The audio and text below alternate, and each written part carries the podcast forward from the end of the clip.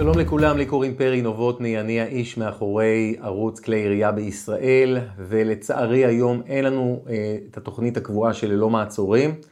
לצערי אנחנו נתקלים בתקופה האחרונה בלא מעט קשיים בלצלם ולהעלות את התוכנית, בין אם זה קשיים טכניים והפעם קושי עם אחד מאנשי הצוות. אני מאוד מקווה שהיא תחזור אה, כמה שיותר מהר לאמריקה. אבל היום אני רוצה להעלות לכם כאן, כמו שראיתם בכותרת, אה, נושא שהוא מאוד מעניין ואני רוצה לדבר עליו תקופה, אה, והכוונה לבחירת נשק, לבחירת אקדח על ידי משרתי קבע. אני אומר משרתי קבע משום שמדובר, אני, אני ארבה לתת את הדוגמאות שלהם, אבל אני מדבר על כל מי שיש לו עבודה או שירות דומים, בעיקר שיש לו נשק אה, ממקום העבודה, בין אם זה נשק ארוך ובפרט נשק קצר, וזה מייצר דילמות שהציבור הרגיל לא מכיר, וכדאי שאתם תכירו ותדעו איך להתמודד איתן, ועל זה בתוכנית הקרובה, בעצם התוכנית הנוכחית. אה, אז על, על מה מדובר? בואו בוא ניתן רגע רקע. קודם כל, אה, שירות בצבא הוא שירות, זה לא מקום עבודה. יש פקודות, כמו שאתם בטח יודעים, ולא כל אחד יכול לעשות מה שהוא רוצה, והכנסה של כלי ירייה אזרחי למערכת הצבאית, יש בו לא מעט אתגרים. זה יכול להיות עכשיו אתגר של אה, לקבל את האישור הנדרש מרשויות הצבא. אני מזכיר לכם, למי שלא מכיר, כדאי לבדוק, טופס 12, אישור של אלוף משנה. לנסיעה של אקדח, הצבא גם מחלק את האקדחים לקטגוריות שונות, אז כדאי אה, ללמוד את הנושא לפני שניגשים ורוכשים כלי ירייה. אבל מעבר לזה יש אתגרים נוספים, יש את הנושא של אה, סוג תחמושת, ובניגוד לאזרחים רגילים שיכולים אה, לרכוש תחמושת הולו פוינט, אתם משרתי הקבע צריכים לבדוק מה מותר לכם בהקשר הזה וכנראה שיהיה אסור. כנ"ל לגבי נסיעה של כדור בבית הבליעה שחלק מהאזרחים בוחרים לשאת בצורה הזו, והדבר הזה ככל הנראה די בוודאות ייאסר עליכם. אבל מעבר לזה, אם ניקח עכשיו למשל אה, איש או אשת צבא שמשרתים בגזרה כמו יהודה ושומרון, ששם הוראות הפתיחה באש, מן הסתם אה, כוללות גם נושא של נוהל מעצר חשוד, וייתכן מאוד שמותר לי לבצע ירי בנשק ארוך לטווח מסוים במסגרת נוהל מעצר החשוד. כאן צריך לשאול, ראשית, האם מותר לי בכלל להשתמש בנשק אזרחי במסגרת ההוראות פתיחה באש הצבאיות, וצריך גם לשאול מה הטווח או איך הכלי הקצר הזה משפיע על הטווח המקסימלי שנקבע בפקודות הצבא על הנושא הזה. עכשיו, אני לא מתיימר לתת לכם תשובות לנושאים הללו, אה, משום שאלה נושאים סבוכים, ואני לא חושב שצריך לפסול רק בשל כך על הסף נסיעה של כלי ירייה אזרחי בצבא, אבל כן חשוב לי שתבינו, תכירו ותדעו לנהל את הסיכונים שלכם אה, בהתאם.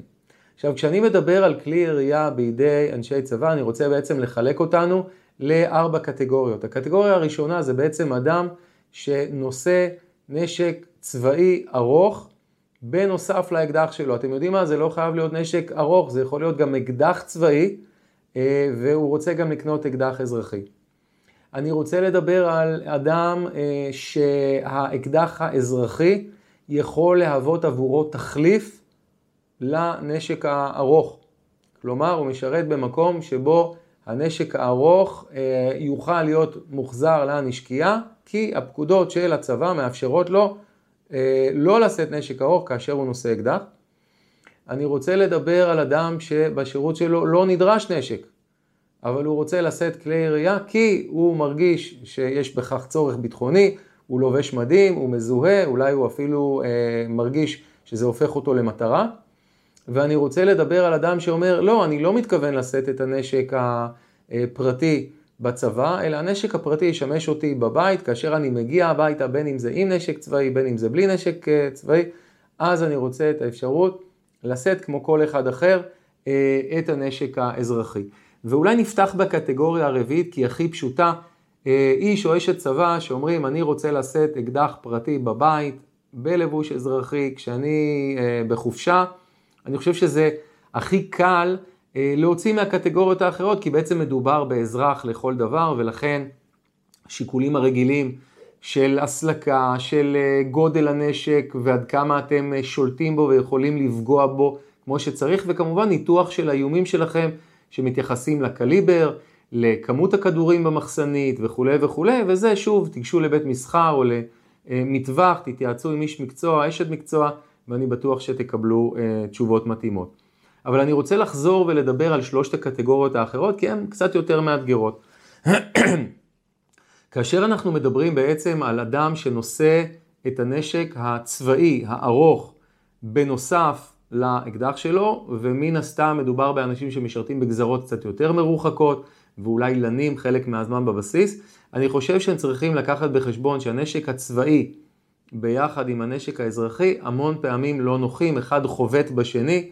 הנשק האזרחי הוא קטן, אה, אנחנו נמצאים בסביבה שהיא לא באמת הבית שלנו, יכול להיות שאנחנו שוהים באוהל, יכול להיות שאנחנו שוהים במקום אחר שלא לא מאפשר לנו לנעול את הנשק הזה כאשר אנחנו הולכים למקלחת או למקומות אחרים, יוצאים למדס למשל, אה, ואני חושב שהפרמטרים האלה צריכים לקחת בחשבון בהחלטה שלכם, האם אתם רוכשים בשלב הזה אקדח, ואם כן, האם אתם מביאים אותו לצבא. הקבוצה השנייה בעצם זה קבוצה של אנשים שהנשק האזרחי מהווה תחליף לנשק הצבאי. וכאן בעצם לדעתי אה, השיקול המרכזי צריך להיות האם באמת האקדח ייתן את המענה שהנשק הצבאי אמור לתת. כי מה לעשות, יש הבדל בין אקדח לבין רובה. ההבדל מתבטא במרחק, ההבדל מתבטא בכמות כדורים במחסנית, בכוח עצירה ופרמטרים נוספים. ואני חושב שבראש ובראשונה אתם צריכים לשאול את עצמכם איפה אתם צופים שלא עלינו תצטרכו להשתמש בנשק. בצירים למשל, בתנועה, בכבישים, לאקדח יש יתרון מאוד מאוד גדול, משום שהוא נמצא על הגוף שלכם, משום שהוא קטן ולכן קל להפעיל אותו בתוך מרחב סגור של רכב, להבדיל מנשק ארוך, ומצד שני יש את כל החסרונות שמנינו אותם אה, קודם. וגם לשיקולים שלכם, אני חושב שאתם צריכים לשאול את עצמכם, האם מותר לי לבצע עכשיו שימוש בו במסגרת הצבא, נניח שלא במסגרת הגנה עצמית כשאני עם הגב לקיר, אה, או לא, אה, איזה סוג תחמושת אני אשא, וגם כאן אני חושב שצריך להסתכל על איזה אקדח.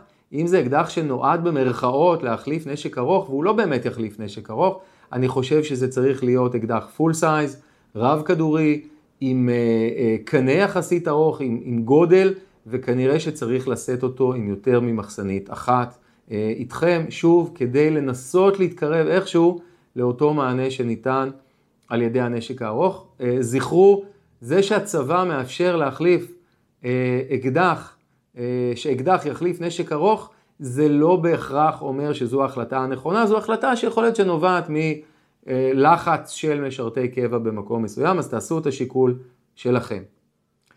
הקטגוריה השלישית שאמרנו שנדבר עליה זה אותם אנשים שאומרים, אצלי בגזרה, איפה שאני משרת, אין חובה בכלל לשאת נשק, ועדיין אני מרגיש או מרגישה שכאשר אני בדרך למקום השירות, בין אם זה בתחבורה ציבורית ובין אם זה בדרך אחרת, אה, אני מרגיש שבגלל שאני לבוש מדים, אולי אני מהווה מטרה, אולי הציבור מצפה ממני להגיב, אני רוצה לשאת כלי ירייה להגנתי, וגם כאן כל הפרמטרים שאמרנו קודם, ביחס למקום האחסון, ביחס לאם אני עכשיו נשאר אה, ללון, איפה אני אשים את הנשק כשאני מתקלח, אה, מה הסיכוי שאולי אנשים בסביבה שלי לא עלינו יהיה ביניהם מי שירצה לגנוב את האקדח הזה, כי ראינו גם גנבות מתוך אה, בסיסים של הצבא.